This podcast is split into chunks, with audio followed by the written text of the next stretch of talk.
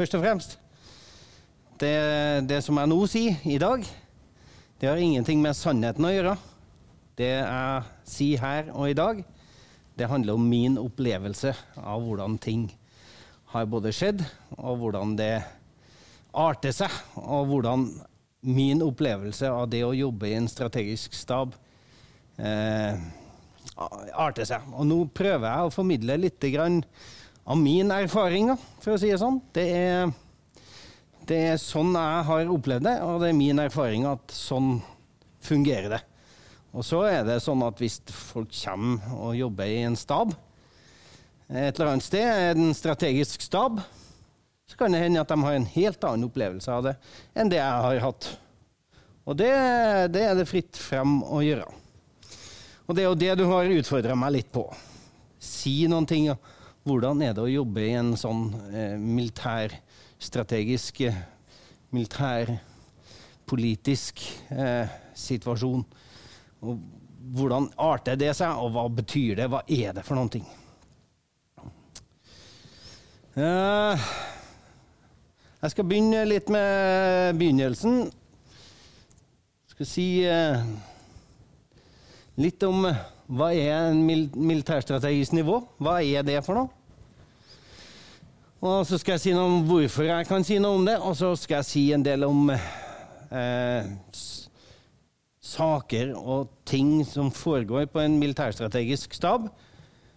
Og så til slutt så skal jeg oppsummere det hele i, i noen ord om eh, hva, hva, jeg mener om det, og hva jeg mener var bra, var dårlig, eh, og hva jeg syns om å jobbe der. Det er det jeg har tenkt å gjøre. Og så er det sånn at uh, det dette er for deres læring og for deres nysgjerrighet.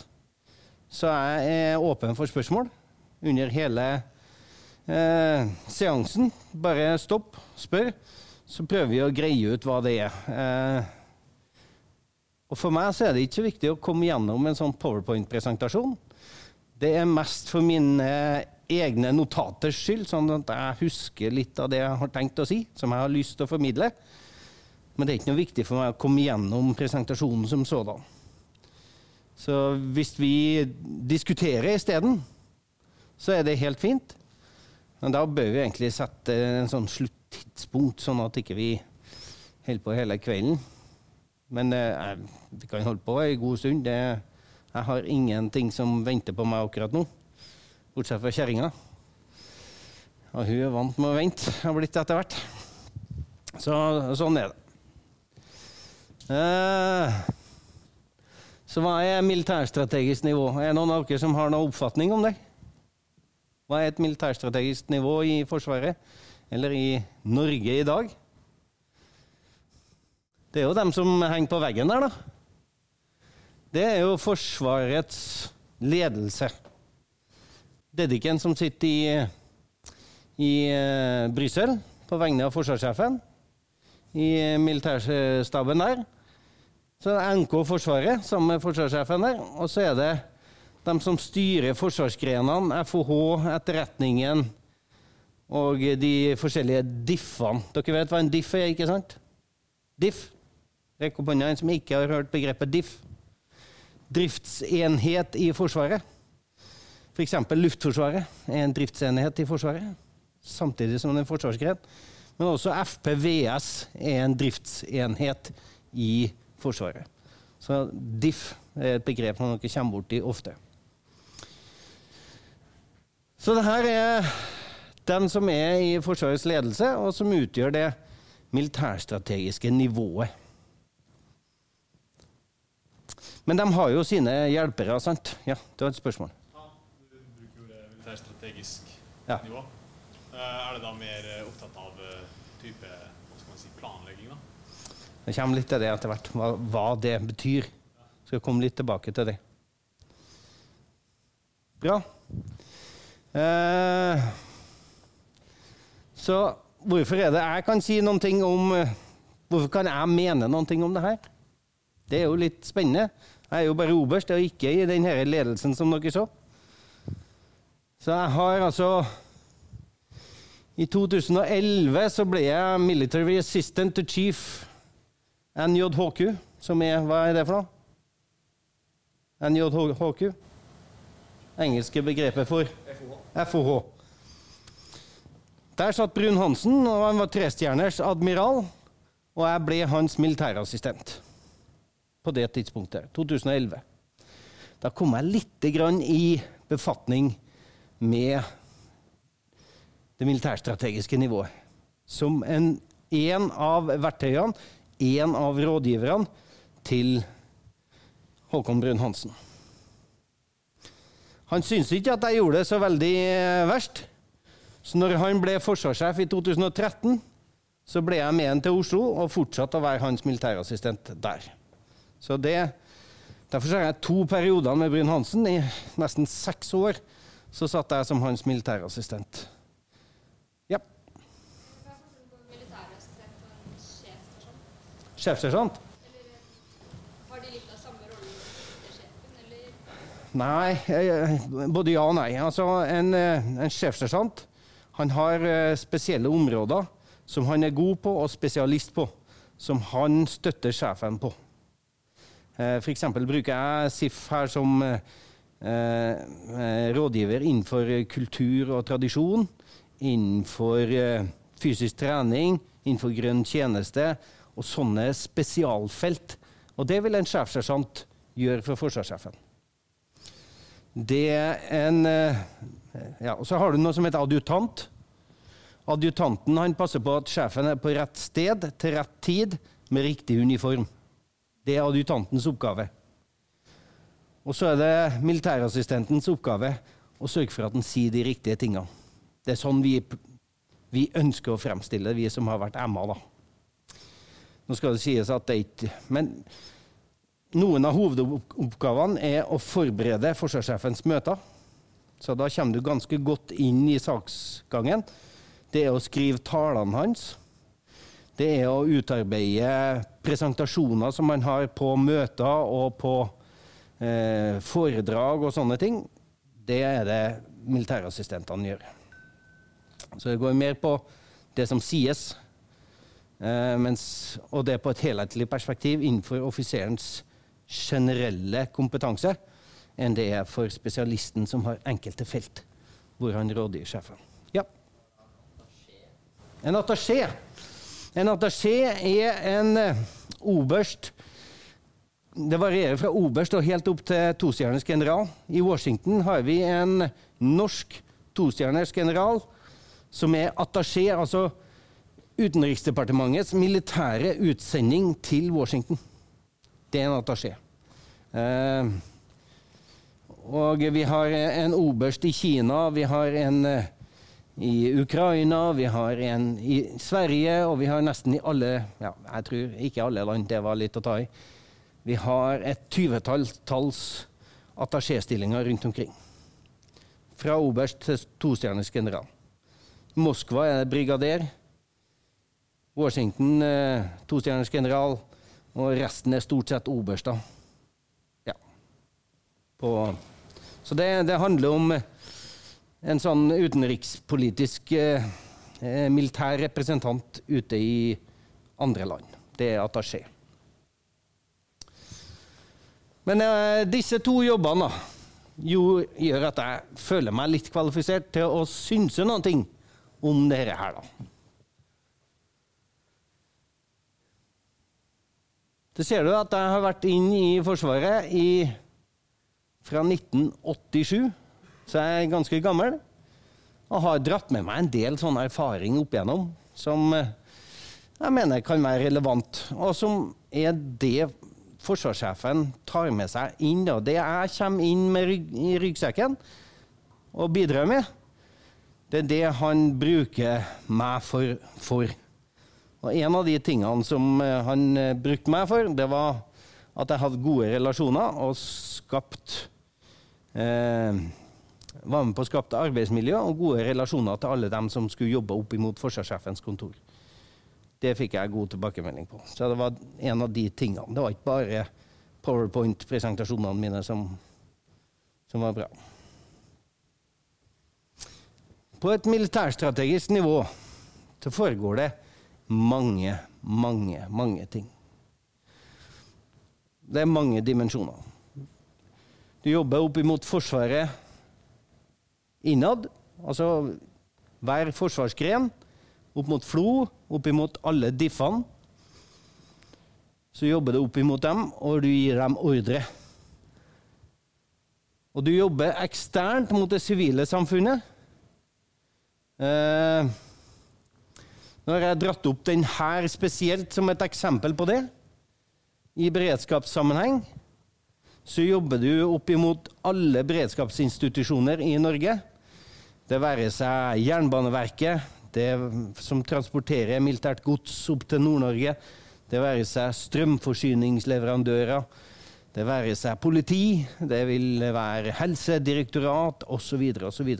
Alle disse som inngår i det som vi i dag kaller for totalforsvaret, dem jobber du sammen med eksternt mot det sivile samfunnet. Og så er det en annen som vi ofte glemmer, og det er industrien. Kongsberg Våpen er avhengig av Forsvaret og forsvarssjefen for å få solgt sine produkter både innenlands og utenlands. Jeg skal komme litt nærmere tilbake til, til det etterpå. Nasjonalt så jobber forsvarssjefen opp mot det politiske nivået. Og da er det i all hovedsak opp imot forsvarsminister han jobber. Men han har også relasjoner til mange av de andre. Men ikke profesjonelle relasjoner. Eh, annet enn kanskje eh, på Justisdepartementet, hvor, hvor, beredskap er blitt en veldig sentral del, og hvor han jobber veldig mye opp imot eh, justissektoren. Så har han en internasjonal dimensjon. Alle de styrkene vi sender ut i internasjonale operasjoner, jeg kom litt nærmere tilbake til. Nato selvsagt er en utrolig viktig del, en grunnpilar eh, og en styreretning for forsvarssjefen i alt det han gjør.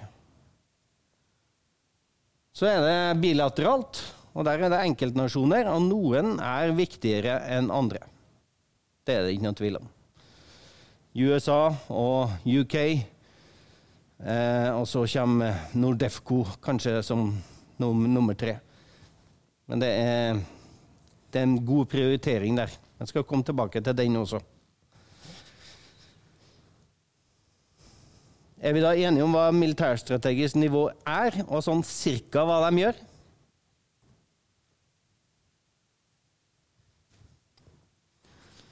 Ja, så hva gjør forsvarssjefen mot Forsvaret internt? Forsvarssjefen bestemmer egentlig strukturen til Forsvaret. Og da snakker vi ikke om hvor mange mennesker som er der, men han kan si at jeg skal ha tre bataljoner, jeg skal ha fire eh, luftvinger, og jeg skal ha sånn og sånn. Men hvis han skal gjøre endringer på styrkestrukturen, f.eks. flytte en base, eller han skal ja, ta, ta, bataljonen fra Rena, flytte den permanent til uh, Setermoen. Ja, hvem er det som bestemmer det? Stortinget.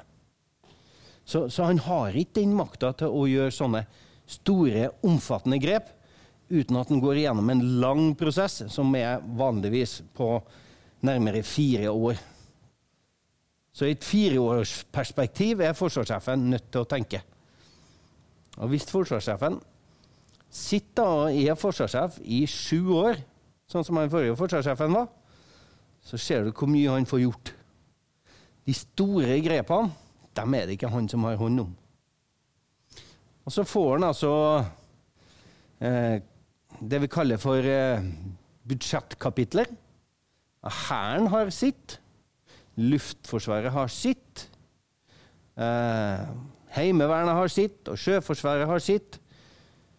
Og forsvarssjefen har egentlig ikke lov å forvalte pengene imellom disse diffene, eller forsvarsgrenene. Hvem er det som har den myndigheten? Stortinget. Stortinget.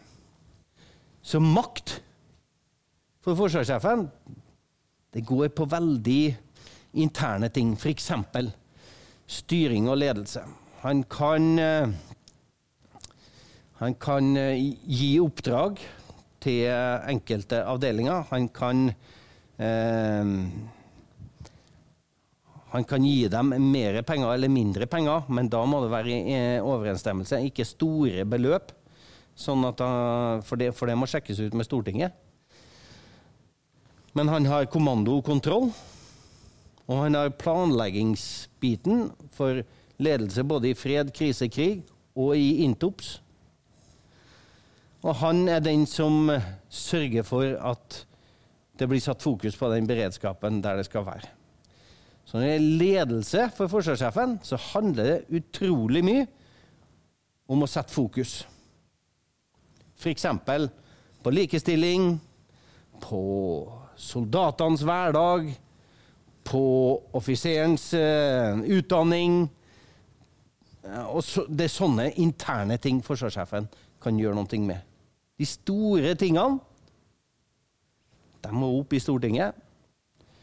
Og regjeringa har noe de skulle ha sagt. Og eh, ja, det er mange som påvirker her. Forsvarssjefen eh, har noe som vi kaller for LTP-prosessen. Langtidsplan. Forsvarets langtidsplan. Det er en langtidsplan som går over fire år. Den starter liksom med at forsvarssjefen får et oppdrag av departementet, av eh, ministeren. Og så, eh, sånn som det foregikk når jeg var der, så satte han ned ei gruppe som undersøkte eh, ja, hva får vi til innenfor det ministeren har bestilt. Og sånn har det vært i mange, mange herrens år. Det som skjedde når Brun-Hansen var der, det var at han sa nei, dette vil ikke jeg gjøre. Jeg vil gjøre det på min måte. Har sagt at jeg anbefaler dette. Og det må dere skaffe penger til. Eller så blir det dårligere forsvar enn det dere forventer og forlanger av meg å få. Så det var en, et ganske stort skifte når Brun-Hansen ble forsvarssjef. Det er noen ting som skurrer litt her. Jeg har skrevet FT4 bak her. Forsvarsdepartementets eh, avdeling nummer fire. Det er dem som planlegger for forsvarssektoren, altså for hele ja, Under, eh, ja, under um, forsvarssektoren så regner vi både eh, Forsvarsdepartementet, Forsvaret, FMA. Dere vet hva FMA er? Forsvarets materiellavdeling. Eh, FFI ligger under der. Eh, ja, og en del andre sånne småavdelinger som ligger under det. Så de planlegger for det. Men når forsvarssjefen skal kjøre en langtidsprosess, langtidsplan, så har han fått beskjed om at ja, da skal du bruke FT4 til å gjøre det. Det er noe som vi kaller strategisk integrert stab. Eh, det er ledelse. Strategisk integrert. Integrert strategisk ledelse. ISL. Så han bruker da FT4. Og den gangen eh, når, eh, når eh, han gjorde det sist, så Når jeg var der, så var det generalmajor Kampenes, som nå sitter som sjef Saifor. Han var da leder av FT4. Så du kan si at det er en militær som leder den avdelinga, men det kunne like godt ha vært en sivil. Og den militære kompetansen og erfaringa, den hadde ikke trengt å være der, men nå var han der heldigvis, da. Så det er ting med hvem er det som gjør dette her.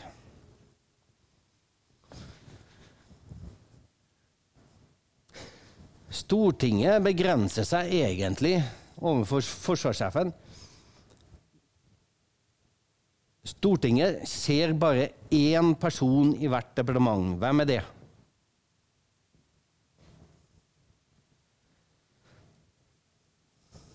Det er ministeren. Han, Stortinget bryr seg egentlig ikke om hva som foregår nede under ministeren, men de holder ministeren ansvarlig for alt det som foregår i deres departement. Og det er jo det politikken går ut på. sant? Ministeren må gjøre det som er innenfor Stortingets føringer. Og så har de da av og til så begynner Stortinget å lure på følger departementet de føringene vi har gitt dem, og så kaller jeg dem inn til en høring i komiteen. Og Det var jo f.eks. med disse Nigeria-båtene. Det var jo en av de store sakene når jeg var i, i den strategiske staben. Norge hadde solgt båter til Nigeria som ble brukt til krigsformål i Nigeria for å undertrykke egen befolkning, mens vi hadde ment at vi solgte dem ubevæpna til dem. Så har de likevel montert på dem maskingevær og undertrykt egen befolkning med det. Så de utgjør en maktfaktor i Nigeria som ikke Og vi har jo ikke lov Fredselskende Norge har jo ikke lov til å selge våpen sånn til, til slike typer eh, regjeringer. Så det er en sånn type høring. Eh, så var det også en annen høring når jeg var der. Det gikk på beredskap, at ikke vi hadde godt nok beredskap for å ivareta nasjonen. Og så har, eh, har han et forhold til kongen. En gang i måneden ca. så er forsvarssjefen Alle diff sjefene ja, ja, skal jeg si. Sjef Hæren, sjef Luftforsvaret, sjef Forsvarsstab, sjef HV og eh, forsvarssjefen og sjef FOH. De er hos kongen en gang i måneden cirka, og på audiens og forteller om det militære ståa. Det er også en del av eh, det militærstrategiske. Kongen er en faktor, og han er øverste militære leder i Norge. Så det De blæser ikke hva kongen sier, for å si sånn. Der han har makt, selv om den er uformell, så er han til stede. Det er litt sånn grovt. Hva er det forsvarssjefens rolle her? Eh, internt i Forsvaret.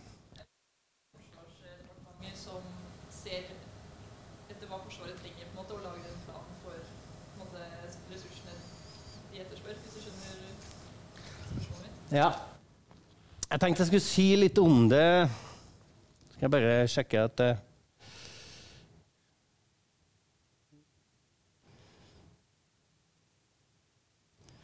ja, jeg, skal, jeg, skal, si litt om det med en gang. Eh, Stortinget eh, jobber opp imot eh, Forsvarsdepartementet.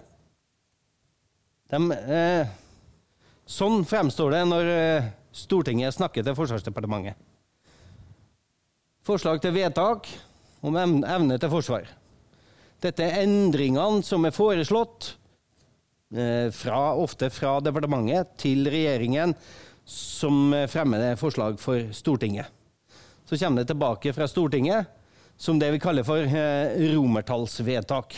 Og det romertallsvedtak heter fordi at romertall 1, romertall 2 det, det, er liksom strukturen i det. Romertallsvedtak. Så her er et eksempel på et romertallsvedtak. Så Stortinget bestemmer på dette nivået. Det skal etableres en fjerde mekanisert manøverbataljon i Brigade Nord. Det er det detaljnivået de opererer på. Så snur eh, får departementet det her tilbake, og det her ble vedtatt av Stortinget. Forsvaret vi skal ha en ny mekanisert eh, bataljon. Den skal ligge på Bardufoss. Den skal bestå av 2000 mann. Den skal eh, ha slik og slik våpen, og du må skaffe sånn og sånn og sånn. Og dette er oppdraget deres.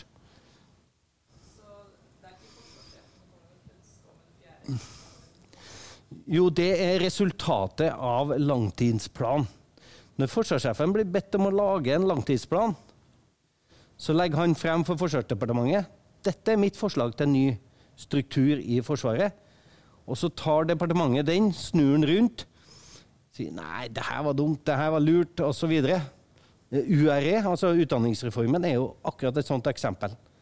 Forsvarssjefen la frem en plan, og så sier departementet nei, vi, vi vil ha en liten omstilling også på utdanningssystemet i Forsvaret.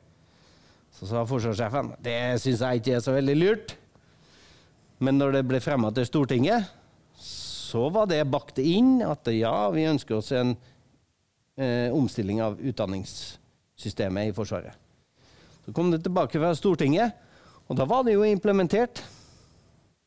Og så ble det da vedtatt i Stortinget at vi skal ha en utdanningsreform. Og eh, deretter så blir det implementert, og departementet forteller hvordan i stor grad. Og, der er det store spørsmålet som vi nå eh, jobber med i, på strategisk nivå akkurat nå. Tidligere, i, eh, når jeg satt i Forsvarsstaben, så fikk vi en sånn tjukk bok som, som dette her. Jeg tror det var faktisk to sånne permer med oppdrag fra Forsvarsdepartementet. Ca. 600 oppdrag kom det fra Forsvarsdepartementet i noe som kalles for en, en IVB, iverksettingsbrev. Det fikk vi fra departementet. 600 oppdrag.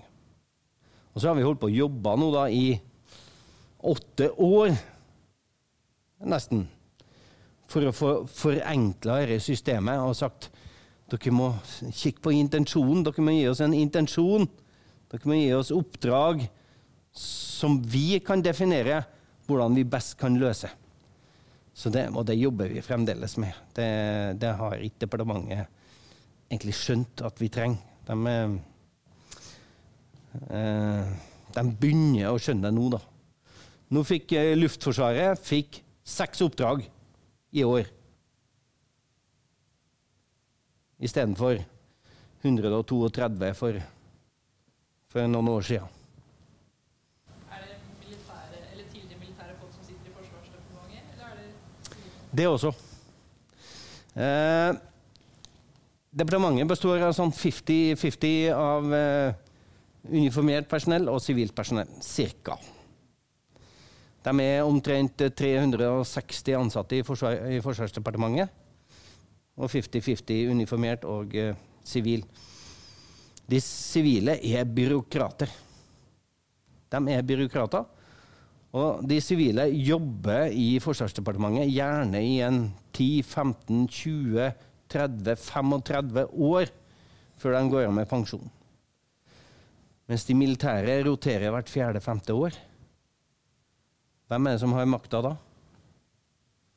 Hvem er det som har makta i departementet? Så lenge du har tålmodighet Det er nok ofte de sivile som har makta i departementet. Og så er det noen utskiftninger nå. Nå skal jeg bare ta så Jeg syns dette er kjempeinteressant. Jeg vet ikke om dere syns det i det hele tatt. Om, eh, men eh, skal vi se her, da. Den her linken her. Skal vi se Her kommer den andre sida. Nå har du den politiske ledelsen her.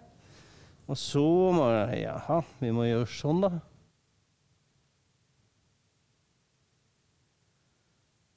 Ja.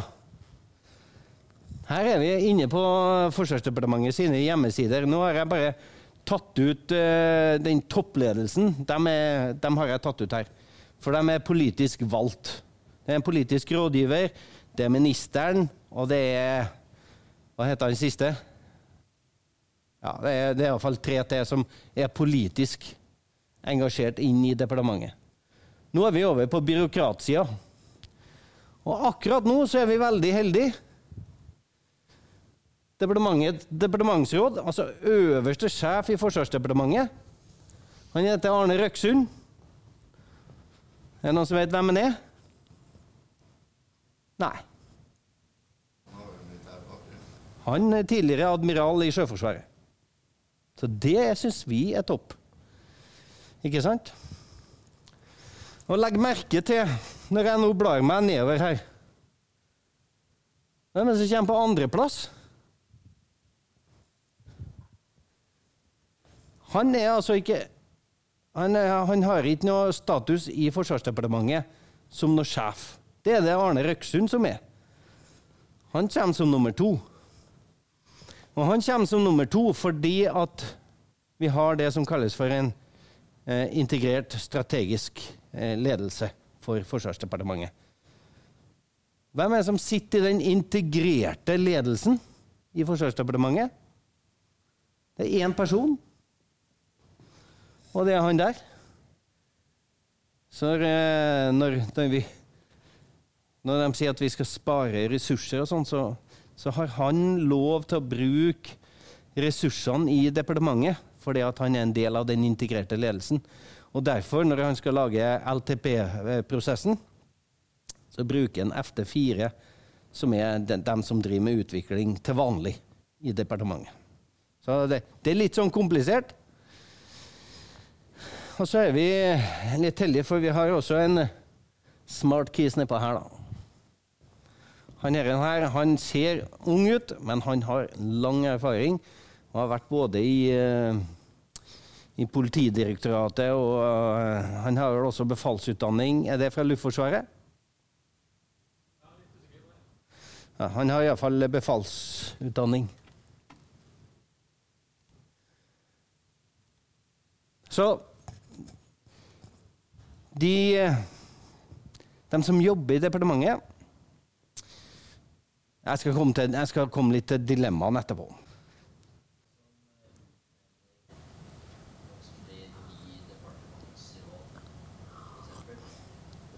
Det er kongen i statsråd som utnevner departementsråd. Øverste grå em eminense i departementene. Kongen i statsråd, altså regjeringen.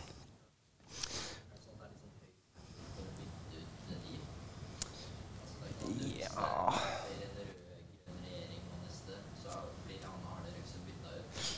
Nei, den, den sitter langt inne. Uh, igjen er det fordi at eh, eh, Ja. Det, det har blitt gjort. Det er helt riktig. Å bytte ut folk sånn fordi at de er politisk ukorrekt. Så det er, det er en vanskelig oppgave å være dep departementsråd. For ofte er det sånn at hvert fjerde år så må du eh, kanskje gjøre noe annet. Eh, anbefale andre ting enn du gjorde for det, i forrige periode. ikke sant? Fordi at det er politikk som skal omsettes i praksis. Og det er en vanskelig oppgave. Ikke noe lett. Men jeg kan ikke huske på at eh, noen departementsråd har blitt avsatt. Iallfall ikke i Forsvarsdepartementet.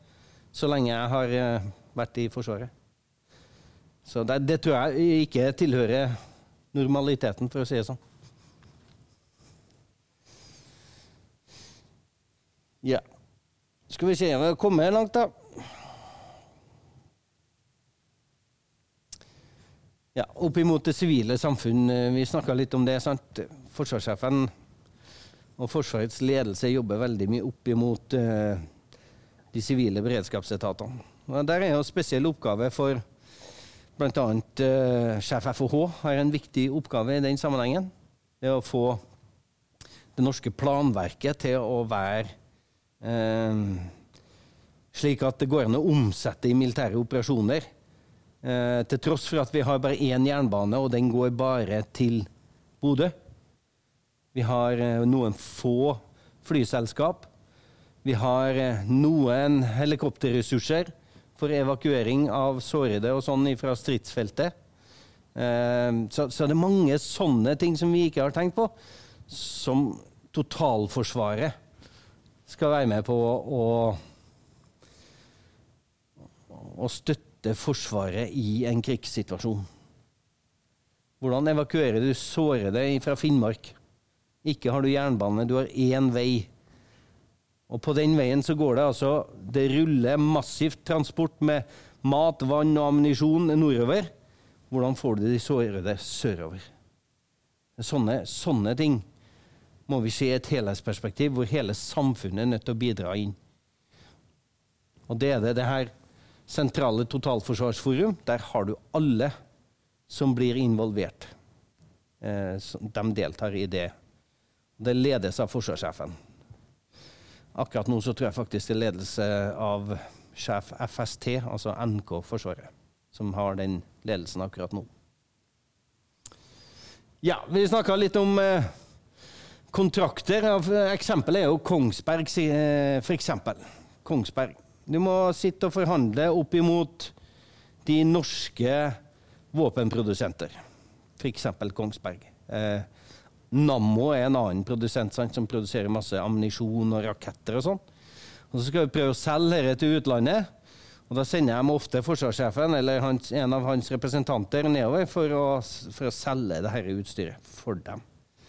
Eh, det kan være en løsning. Det heter ikke å selge det, da, men å promotere. Um, og så er det da å inngå avtaler, og da er det industrien gjerne med.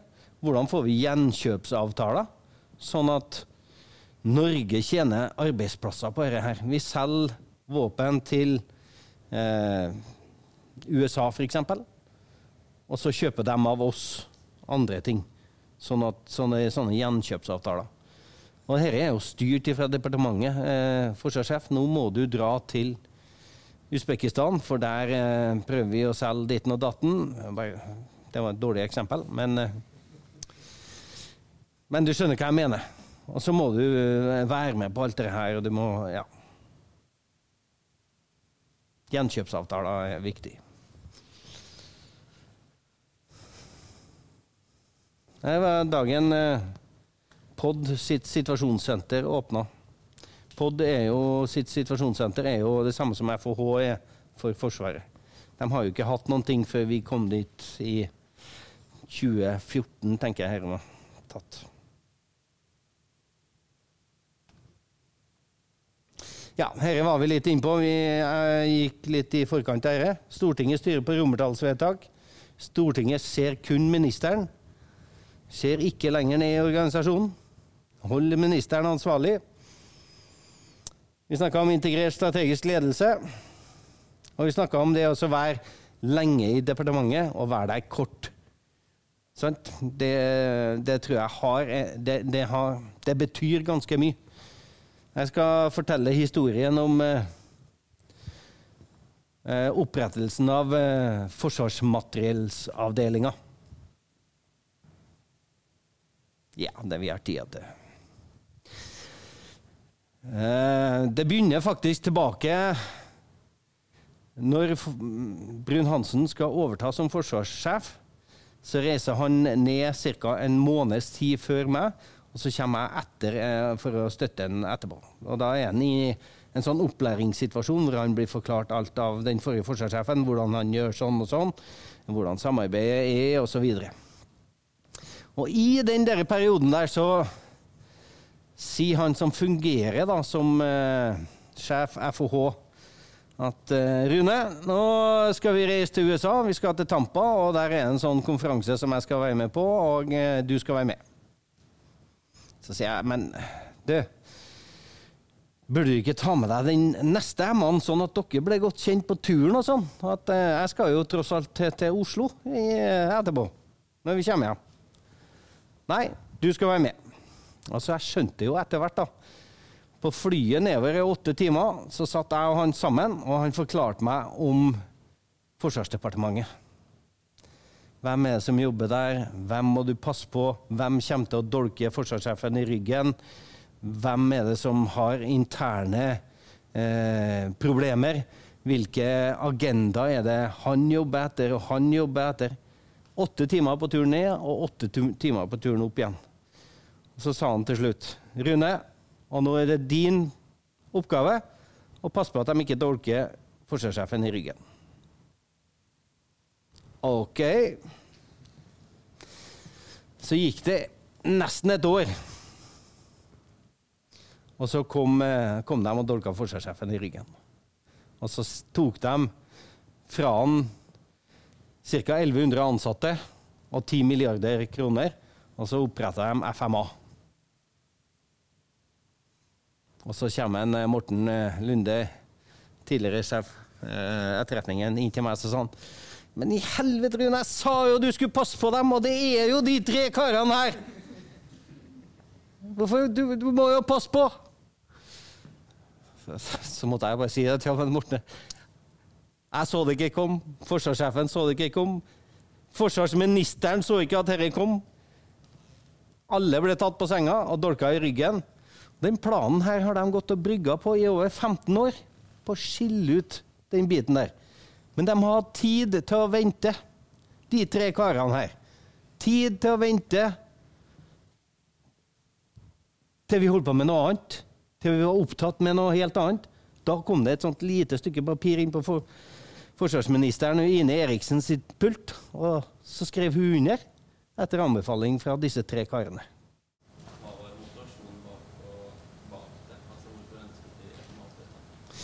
De ønsker egentlig Departementet ønsker egentlig kontroll.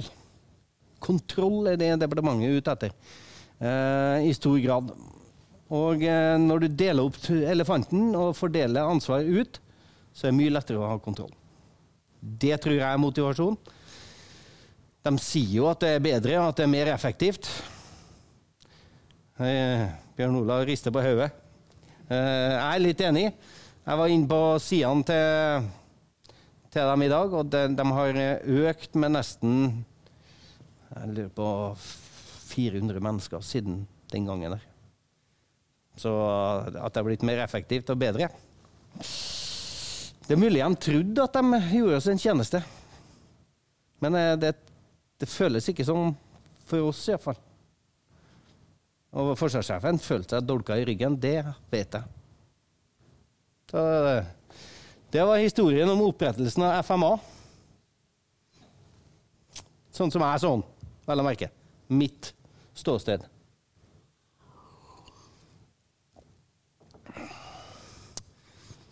Ja, En ting som jeg ikke nevnte her Og det, her er Morten Lunde. Jeg må ta med bilde av han. Han, han var klinkende klar på den turen der. Han var fin. Eksempelet er opprettelsen av FMA. Her, ja. Eh, politisk arbeid.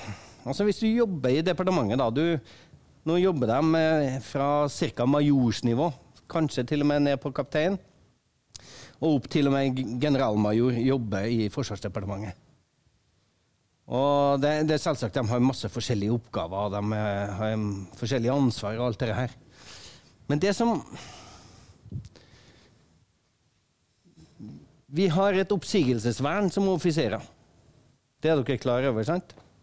Dere er egentlig uoppsigelige når dere er ferdig på skolen der. Så får dere jobb til dere er 60. Og er uoppsigelig dersom du ikke bryter norsk lov eller eh, gjør et eller annet, annet eh, himla dumt. Eh, så er du uoppsigelig. Og det er nettopp det som var tanken når de eh, oppretta denne eh, befalsloven. Offiseren skal si hva han mener, uten å få sparken. Det var litt av poenget med den offisers- og befalsloven som kom da. Og den gjelder fremdeles. Du har jobb til du er 60. Sikker inntekt. Og der syns jeg vi er litt for dårlige. Alle de 50% som sitter i Forsvarsdepartementet. De går på akkord med seg sjøl, inngår kompromisser i mye større grad enn det jeg ville ha gjort. Tror jeg. Du hadde et spørsmål? Nei, det var du? Nei, ja, det var litt, eh, litt begrunnelsen hvorfor det var sånn at man ikke egentlig kan bli sagt opp. Men klart det da. så- Ok, da. Min opplevelse er at eh, departementet, og regjeringa for så vidt, har for lite fokus på strategi. Hva vil vi oppnå med f.eks. å sende folk til Afghanistan? Ends, ways and means. Hva vil vi oppnå med å komme dit? Eh, hva skal vi gjøre mens vi er der? Og når skal vi trekke oss, trekke oss ut igjen derfra? Nå er det liksom overlatt Det, det, det fins ikke Det ikke noen måte å gjøre det på. De Politikerne vil ikke ta tak i det. Så vi er, og vi er prisgitt dem når vi sender folk ut. da. Nå har vi fått dem til å si det at ja eh, Mali, for eksempel. Det, det skal vi rullere med svenskene og nederlenderne. Og vi skal være der seks måneder om gangen. Det er ikke noen har sagt om når skal vi slutte med det, da. Og det syns jeg mangler litt. Og så syns jeg også det at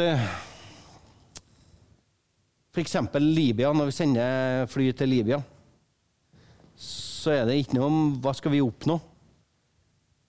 Vi bare inngår i styrken, helt naturlig. Og det er overlatt altså til Morten Haga Lunde å bestemme eh, hva skal vi gjøre når vi kommer til Libya. Det er ingen som, nå, nå kommer det vel en ny Libya-rapport om ikke så veldig lenge, tenker jeg. Det blir interessant å lese. Og så får jeg promotere da litt for min eh, Ja, hun er vel søskenbarnet mitt. Hun Mikkeline heter hun. Hun har nettopp skrevet en bok her. Den kom ut eh, for en ukes tid siden eller to. Om eh, Stortingets behandling av krigene som gikk i den perioden her. Det kan bli interessant lesing, tror jeg. Eh, redaktør er jo Tormod Heier. Jeg vet ikke om dere har forhold til Tormod Heier? Ja. Vet hvem han er. Good. Det var den.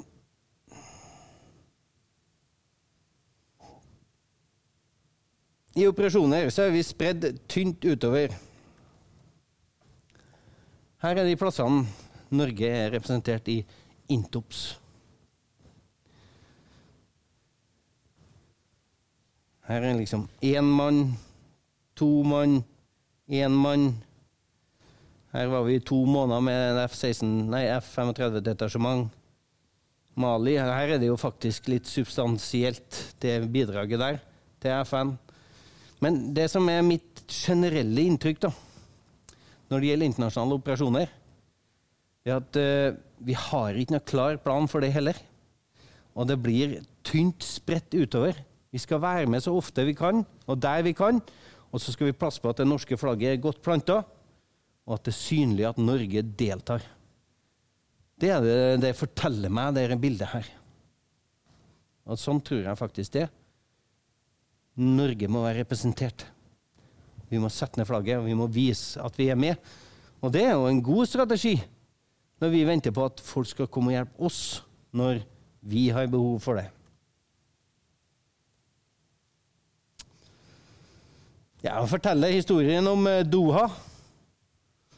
Jeg var med forsvarssjefen til Doha 2000 det må ha vært i 2013, i tidlig 2013. Da var han ennå ikke forsvarssjef. Han var der som representant for forsvarssjefen. Men han eh, var egentlig sjef FH. Og vi reiste til Doha. Eh, han hadde smarte, korte, hvite bukser og sånn som de har i Navyen. Og jeg for i den som dere, med servicejakke, godt gjenkneppa og slips. Jeg, og det var 50 grader. Så det var forskjell, da. Men han eh, skulle representere Norge. Han hadde også representert Norge sist gang, når de skulle eh, sende fly til Libya. Så når han var i England, så ble han sittende Ja. Når vi var i Doha, så satt han ved siden av den amerikanske firestjerners generalen. Eh, og så var det liksom nasjonene rundt, jeg tror det var elleve nasjoner eller noe sånt, som satt rundt. Og vår forsvarssjef, eller Brun-Hansen, satt ved siden av den høyest rangerte som leda møtet, en amerikansk firestjerners general.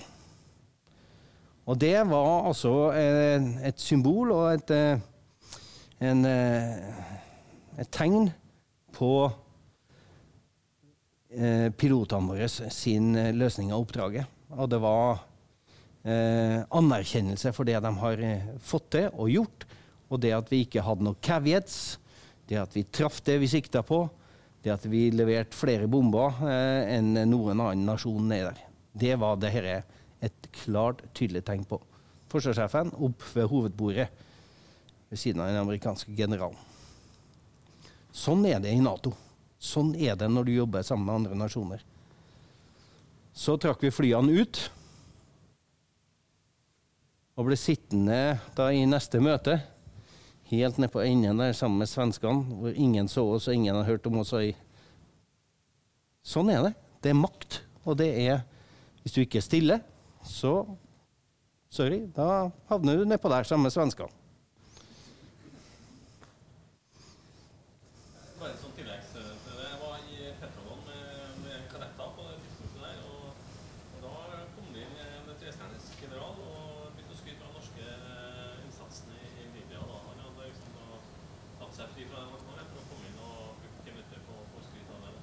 det blir jo lagt merke til. Eh, Så det, det må det. Artig. Jeg, jeg henta litt bilder fra min egen eh, telefon. Her er vi i, i Mali. På tur i Mali. Og det hotellet Sju dager etterpå så ble det angrepet av terror terrorister. Det hotellet der. Jeg vet ikke om dere husker det. Men det var bare sju dager etter at vi var der. Da fikk jeg litt sånn frysninger på ryggen. Og tenk på det. Det var flaks. Nå, nå hadde vi vitterlig med oss seks eh, livvakter når vi dro dit. Eh, for det både sjef FOH og forsvarssjefen var der samtidig, så vi hadde masse protection. Det er det ikke alle som har i, i eh, Mali. Eh, et annet bilde her, det ser det ikke så veldig godt, men her står den russiske grenseposten. Så det her er sjef eh, eh, militærkomiteen i Nato, som er på besøk på grensa oppe i, eh, i Kirkenes der. Sånne ting som du får eh, lov å være med på i et internasjonal setting når, når du er med i en strategisk stab. Du får oppleve ganske mye, da. Du får vært med på mye. Ja Kvalitetsstempel har vi vært igjennom. Afghanistan. Eh, når eh, generalen så det norske bidraget i, kom ned til Bosnia, så spurte han har dere gått ned. Det tok oss altså bare tre måneder. Det tok oss lang tid å komme dit. Det lærte vi noe av. Så det kvalitetsstempelet som vi nå har fått, med spesielt eh, vår egen eh, spesialstyrker, de er veldig høyt ansett i hele Nato. I hele verden, egentlig. Og også den bombinga som vi hadde i Libya, gjør at vi har en høy status. Og det er artig å komme ut i internasjonale operasjoner, for du blir anerkjent, og du blir sett. I Afghanistan så var det ofte snakk om 'the Norwegian way', måten å gjøre det på. Vi er flinke. Vi løser de militære oppdragene vi har ute, veldig bra. Og det eneste vi mangler, det er denne strategien. Ends, ways and means fra det politiske nivå. Hva skal vi gjøre? Det blir liksom vi, vi gjør det vi får til. Og hvordan skal vi gjøre det? Og når skal vi dra tilbake? Når er vi ferdig? Eh, De tingene mangler egentlig fra et strategisk, eh, politisk nivå, syns jeg. Men ja. Jeg vet ikke om vi har tida til historie her nå. Du får bare stoppe meg når jeg skal slutte.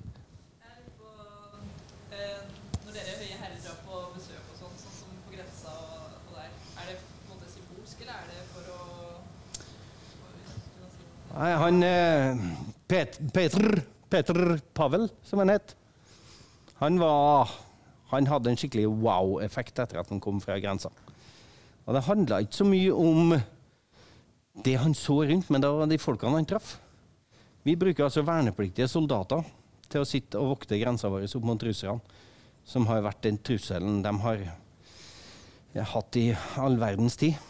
Ja, vernepliktige soldater som står opp når det kommer firestjerners generaler. Så kommer de, stiller seg opp, og så forteller en da eh, Ja, her er mitt kartbord, og her ser dere høyre og venstre begrensning. Her er sånn og sånn og sånn, og så, så er det her sånn som jeg skal Det her er mitt arbeidsoppgave. Det her er det jeg skal passe på, det her er det Sånn gjør jeg det.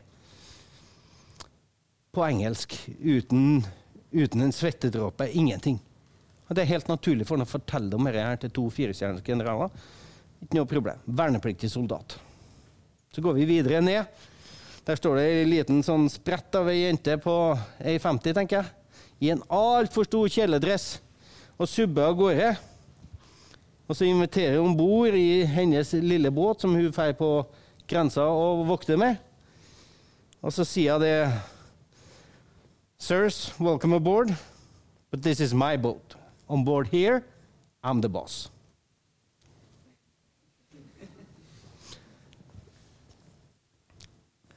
Og det er sånne ting som gjør at de blir amazed når de kommer hit. Og det er viktig å få vist frem hva, hva gjør vi, og hvordan gjør vi det. En annen ting, vet du, altså, De hadde jo fellesrom, jenter og gutter. Går det an, det? Så Det er noen ting med denne kulturen vår som, som gjør at vi blir stola på, og som gjør at vi gjør det bra. Og det at vi bryr oss om eh, folk, det, det tror jeg det er, det er ikke bare show-off, og det er ikke bare å komme hit, men det er opplevelsen. Ja. Og så var det bading i eh, Jakobselv og 1. november. Sant? Det gikk. Det var imponerende kaldt, det også. Det er sånne ting. Ja.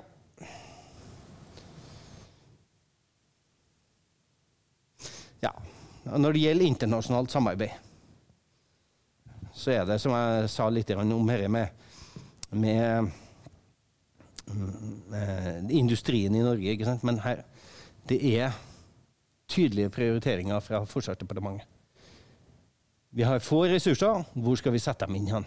Hvilke plasser, hvilke ting er det vi skal bry oss om? Så det kommer tydelige signal fra FD på det. Et eget kapittel i det her iverksettingsbrevet på 600 sider. Ofte blir det også koordinert igjennom FD2, for de har strategiske interesser. Og det, som oftest så er de sammenfallende med våre interesser. F.eks. rundt F-35, eller eh, salg av NASAMS, eller For hver NASAMS vi selger til utlandet, så får vi både kompetanse, erfaring og masse digg tilbake igjen. Penger som vi kan videreutvikle våpensystemet på, og som benefitter oss på sikt. Og det må vi ta med. Og det må vi Og der Ofte så er det beordra av FD, og som regel styrt av FD. Alt med internasjonale operasjoner. Her står Erik Gustafsson. han står utenfor den ambassaden i London. Jeg husker ikke hva det var vi skulle der, men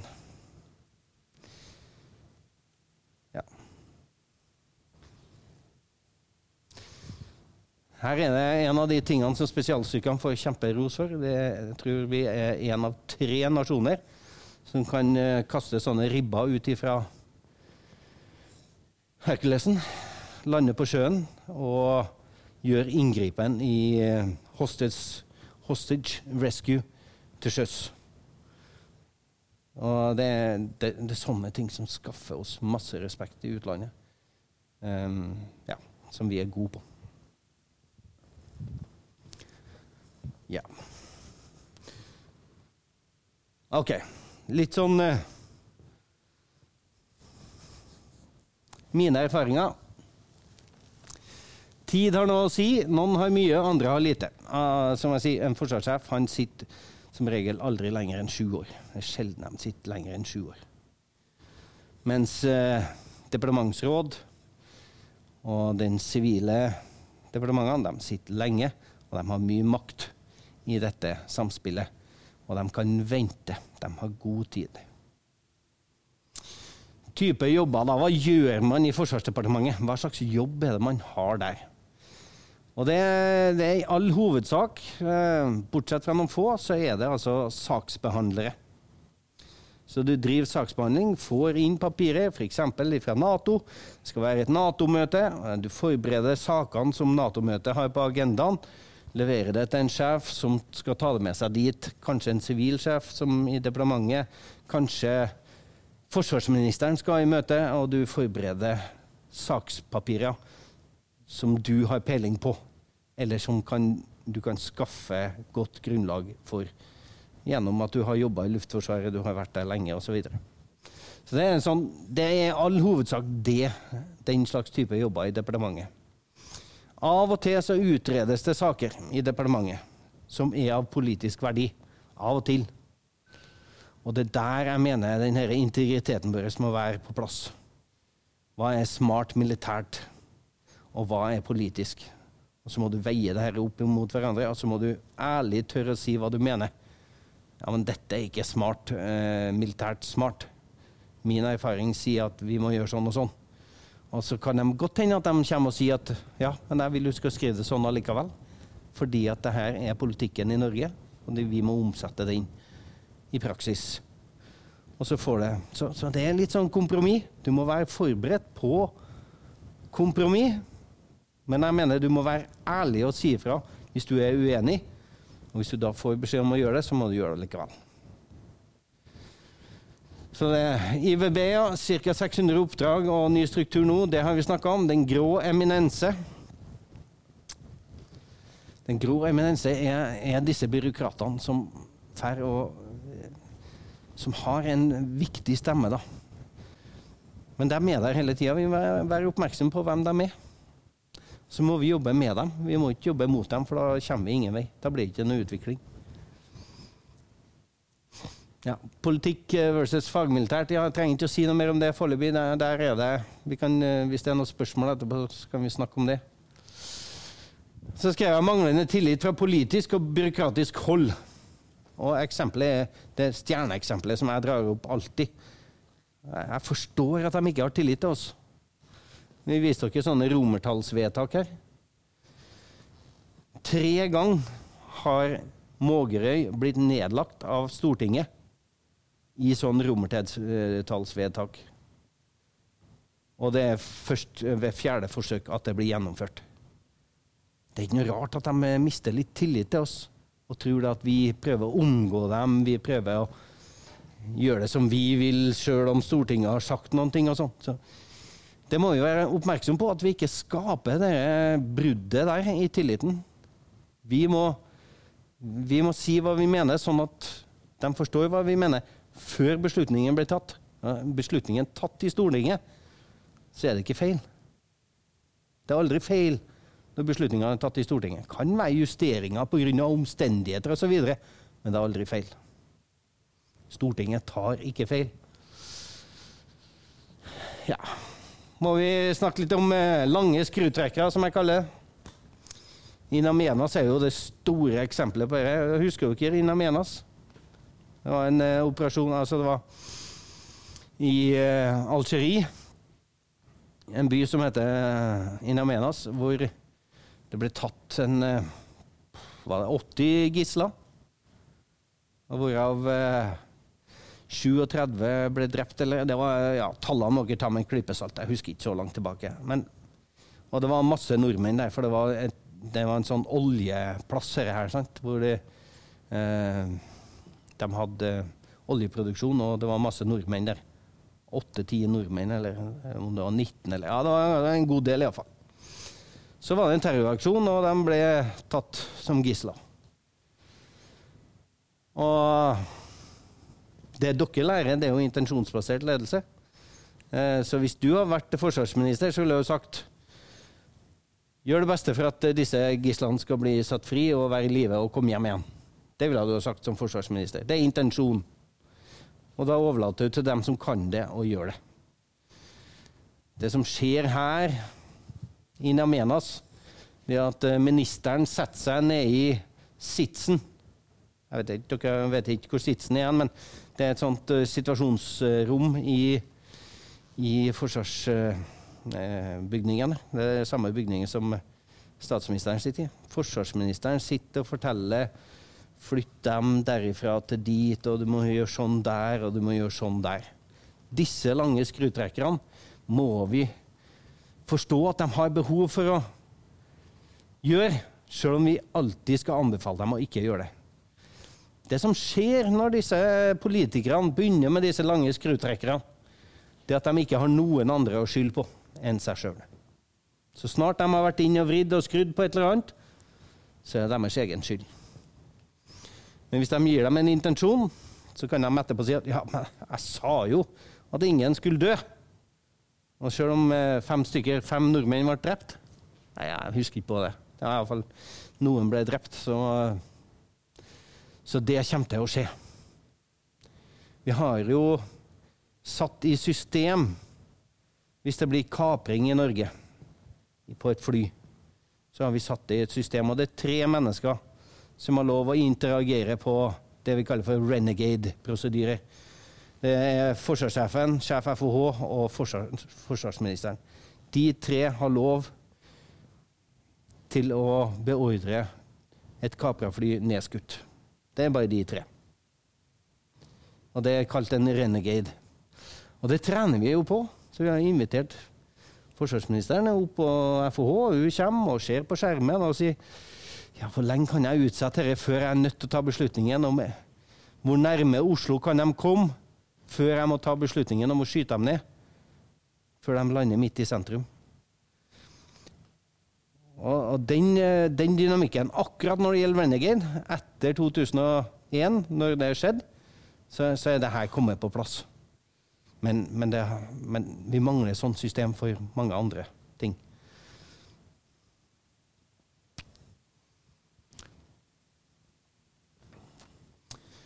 «22. juli, det husker dere alle sammen. Det vet dere hva det gikk ut på.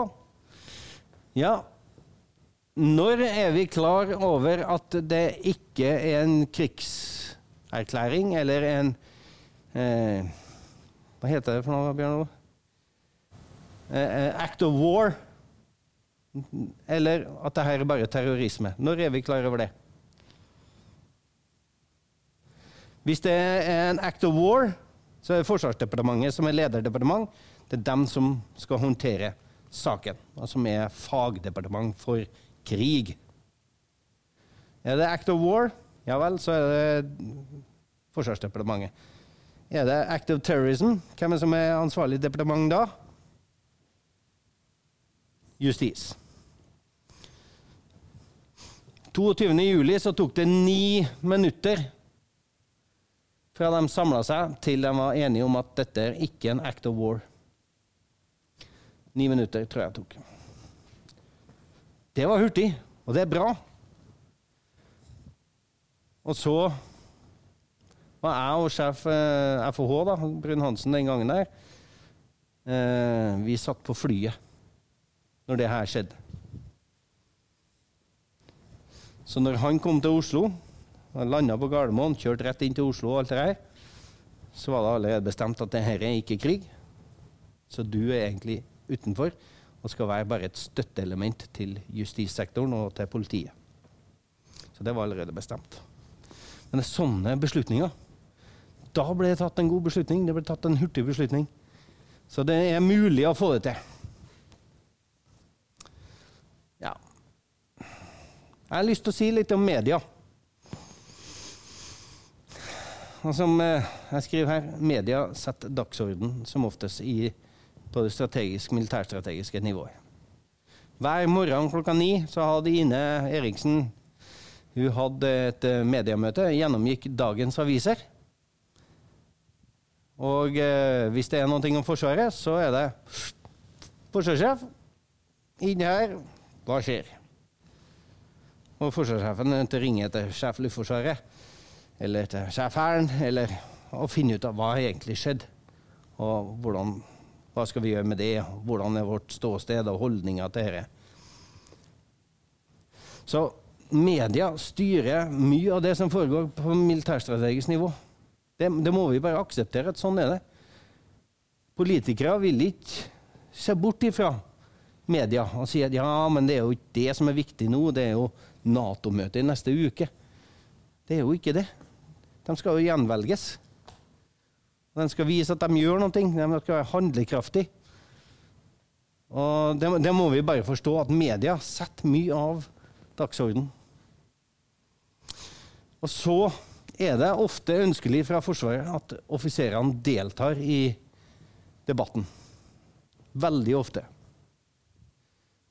Vi oppfordrer til det. Har du peiling på noe? Har du skrevet en master? Har du skrevet en bacheloroppgave om et eller annet? Delta i debatten rundt det. Men ikke fordi at du syns at uh, forsvarsministeren er en idiot, det, og så hiver deg på et sånt hylekor og sånn.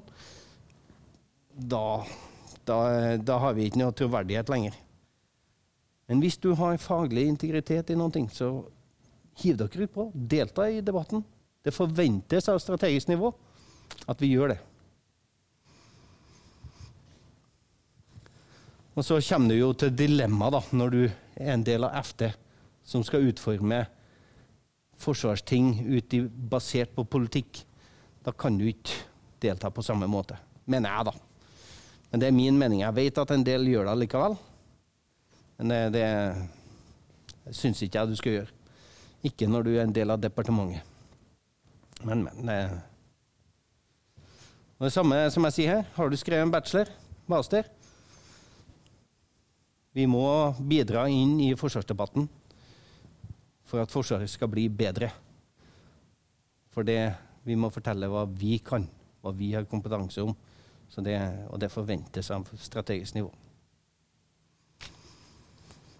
Så vil jeg bare avslutte da, til slutt her med å si at jobben er jo svinaktig interessant. Altså, det er jo kjempeartig.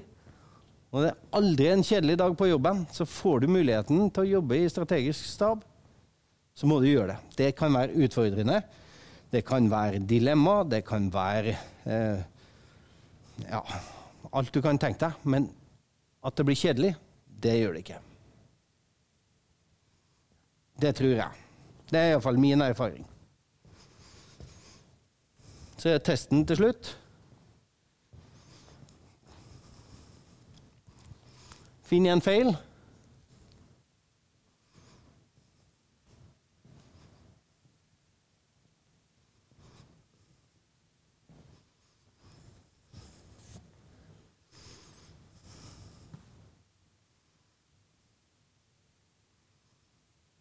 Ikke?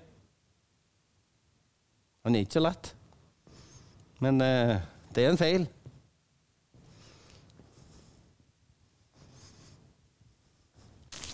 Ser at kongen har på seg feltdistinksjoner. Men det har ikke han. Han har på seg skjortedistinksjoner. Ser du det? Hvem sin skyld er det?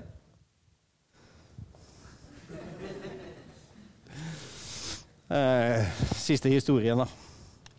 Vi satt og diskuterte det, jeg og sjefen, før vi reiste ut og skulle møte kongen.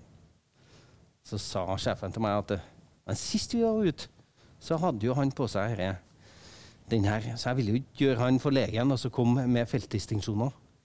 Så har, har, har han feil distinksjon på seg. For Forrige gang de var ute, så var det omvendt. Og det hadde jo kongen fått med seg, sant? så han har jo bytta om igjen. Så det var interessant. Eh, læringspunktet egentlig her er at jeg skulle jo hatt en ekstra distinksjon i lomma og dratt frem og bytta på sjefen når, når jeg oppdaga at kongen hadde, hadde det riktig.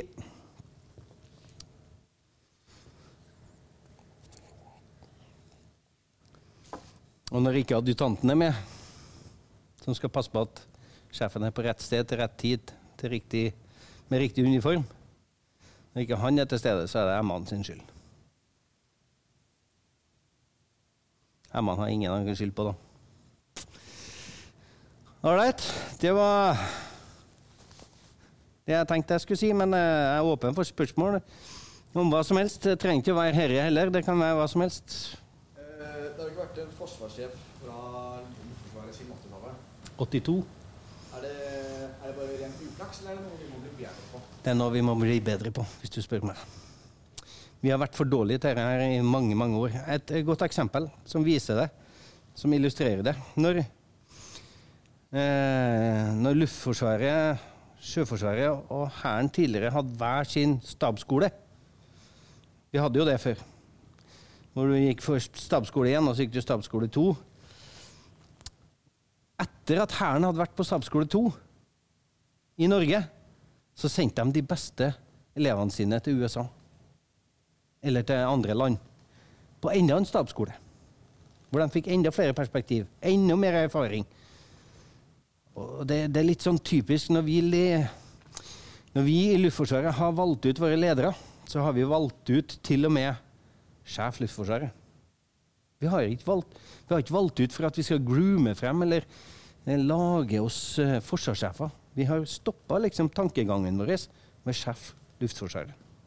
Og det har vært en feil, mener jeg, Luftforsvaret har gjort i mange, mange år. Og det er årsaken, mener jeg, til at vi ikke har hatt en sjef, forsvarssjef siden 1982. Det var flere spørsmål der. Jeg tenkte på det som 22. juli. Hvis eh, departementet ville hatt spesialsoldat, eh, ville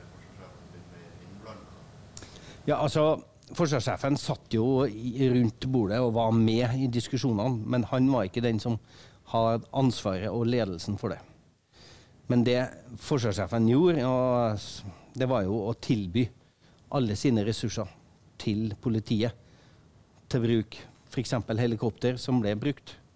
Eh, spesialstyrker som eh, fremdeployerte eh, helt frem til nesten til Oslo. De var på Lutvann. I tilfelle det skulle være noe mer, og at de skulle være, eh, bli brukt til, til noen ting. Eh, Garden ble jo satt på beredskap og gikk jo omkring Stortinget, ikke sant. Eh, Heimevernet ble eh, brukt. Så mange av Forsvarets ressurser ble brukt, til dette, men da i støtte til politiet. Ja, det, det var jo den måten det foregikk på den gangen at eh, politimesteren i det rådende politidistriktet må spørre eh, ja, tilsvarende sjef i Forsvaret om han kan spørre FOH om de kan få låne ting som gikk opp til departementet. Og så gikk den bort til eh, Justisdepartementet, og så gikk det nedover igjen. Så det tok jo lang tid ofte før dette gikk i orden. På tvers av departement og, og ja, forskjellige sektorer, da, som vi sier. Etter Etter 22.07 så har denne prosessen blitt mye enklere, mye bedre og mer effektivt. Så nå går det egentlig rett fra politimesteren til FHH, som sier ja eller nei. Tvert, og så fikser vi det bare. Så det, det er gjort endringer etter 22.07. Det er jo sånn at i de fleste vestlige land, eller ikke alle, ja, ikke Norge, at eh, man forstår det sånn altså, det er jo det sivile som kontrollerer militæret, på en måte. Det er ikke motsatt. Og jeg føler at på en måte, det går for langt den veien, da, med tanke på det med FMA og de episodene her. Nei, altså, jeg er, er tilhenger av at uh, det er politikerne som styrer Forsvaret. Det er jeg tilhenger av. Sånn må det være. Det er et demokrati. Og Forsvaret kan ikke uh, holde på å gjøre sine egne ting som ikke demokratiet er enig i. Altså, demokrati betyr jo egentlig at vi gir noen anledning til å prioritere for oss. F.eks. at det skal være mer penger til sykehjem enn det skal være til forsvaret, For eksempel. Som et eksempel. da. Det er jo det demokratiet bestemmer. Og det er det Stortinget prioriterer. Og så tenker jeg at det er vår rolle å gjøre den jobben de har satt oss til. da. Men vi må være tydelige da, i debatten og i media og sånne ting, og si ifra om det hvis vi mener at dette går jo ikke. Vi klarer ikke å løse alle disse oppdragene her for den summen du har gitt oss. Det går ikke. Det må vi være tydelige og tørre å si ifra om. Men det må være reelt og bygd på fakta. Eh, men, men politikerne må styre Forsvaret. Det, det kan ikke være omvendt. Altså, Det er jo, det er jo veldig sånn historisk betinget det her, da, eh, fra tilbake fra 30-tallet og Menstadslaget f.eks. Eh, hvor på en måte Forsvaret ble brukt mot egne arbeidere og sånne ting. Så det er veldig sånn betenkt eh, arbeiderhistorikken her. Da. Så har du også Ådal 31 i Sverige, hvor faktisk Forsvaret skjøt og drepte arbeidere og sånne ting. Eh, og hvis dere googler Menstadslaget nå, så vil dere finne artikler som sier at Menstadslaget er 90 år siden. eh, fortsatt, vi må fortsette kampen. Det er, altså, det er veldig, altså, det er en sånn historisk eh, betent sak på det her, hvor, eh, hvor det er viktig å ha politisk makt over Forsvaret. Og så ser vi oss rundt i verden sant, hvor det er korporaler og oberstar som tar makta i ulike land. Og så, så det, det, ja. Det er land vi ikke ønsker å sammenligne oss med. Kanskje. Eh, Det oppfordrer oss til å ta muligheter og søke litt utfordringer og sånt. Og så lurer jeg bare på, har du si, fått en jobb hvor du har vært litt ute på dypt eh, farvann? Du har noe eller har du gjorde du på det? Føler deg litt lost? Ja, jeg må ta frem bilde av en Lunde, en Lundeyan her, da. Han, han, er, jo- han, har jo vært i Luftforsvaret i 40 år. Og han har eh, sine fiender, og han har sine venner. Han er mest fiender, tror jeg. Han, eh, han, han har vært veldig skarp, og han har vært eh, veldig sånn tydelig. Også til folk som, uh, kommer med, med bullshit, så bare si Så er jeg ferdig med det. Jeg har lært meg en kjempelekse av han. Jeg fikk passet mitt påskrevet, for å si det sånn, mildt sagt. Eh, han var NK FOH, og jeg var nettopp starta opp der som eh, Emma for Brun-Hansen.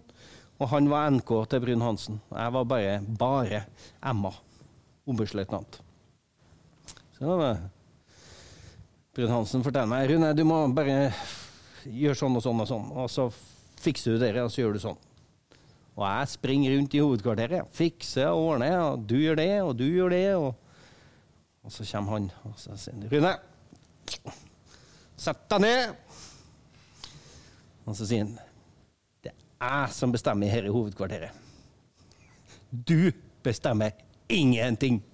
Det må bare være helt klinkende klart. Og hvis Brun Hansen gir deg noe oppdrag, så skal du sjekke det med meg først.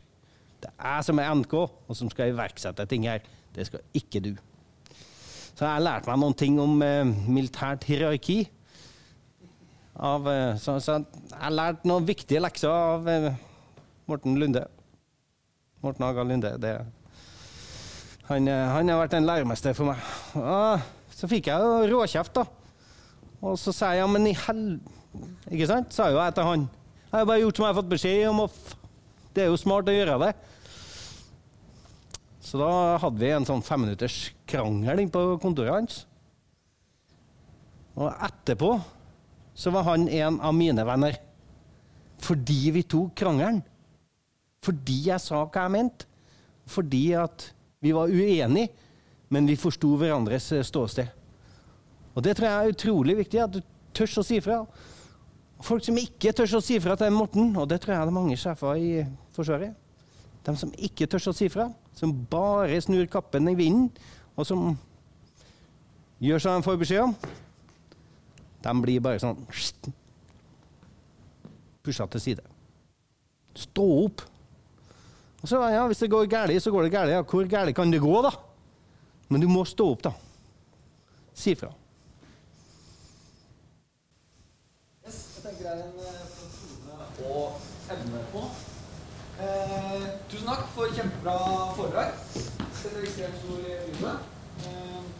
Så har vi som en takk på plassen, så har vi reiseguide til eh, USA.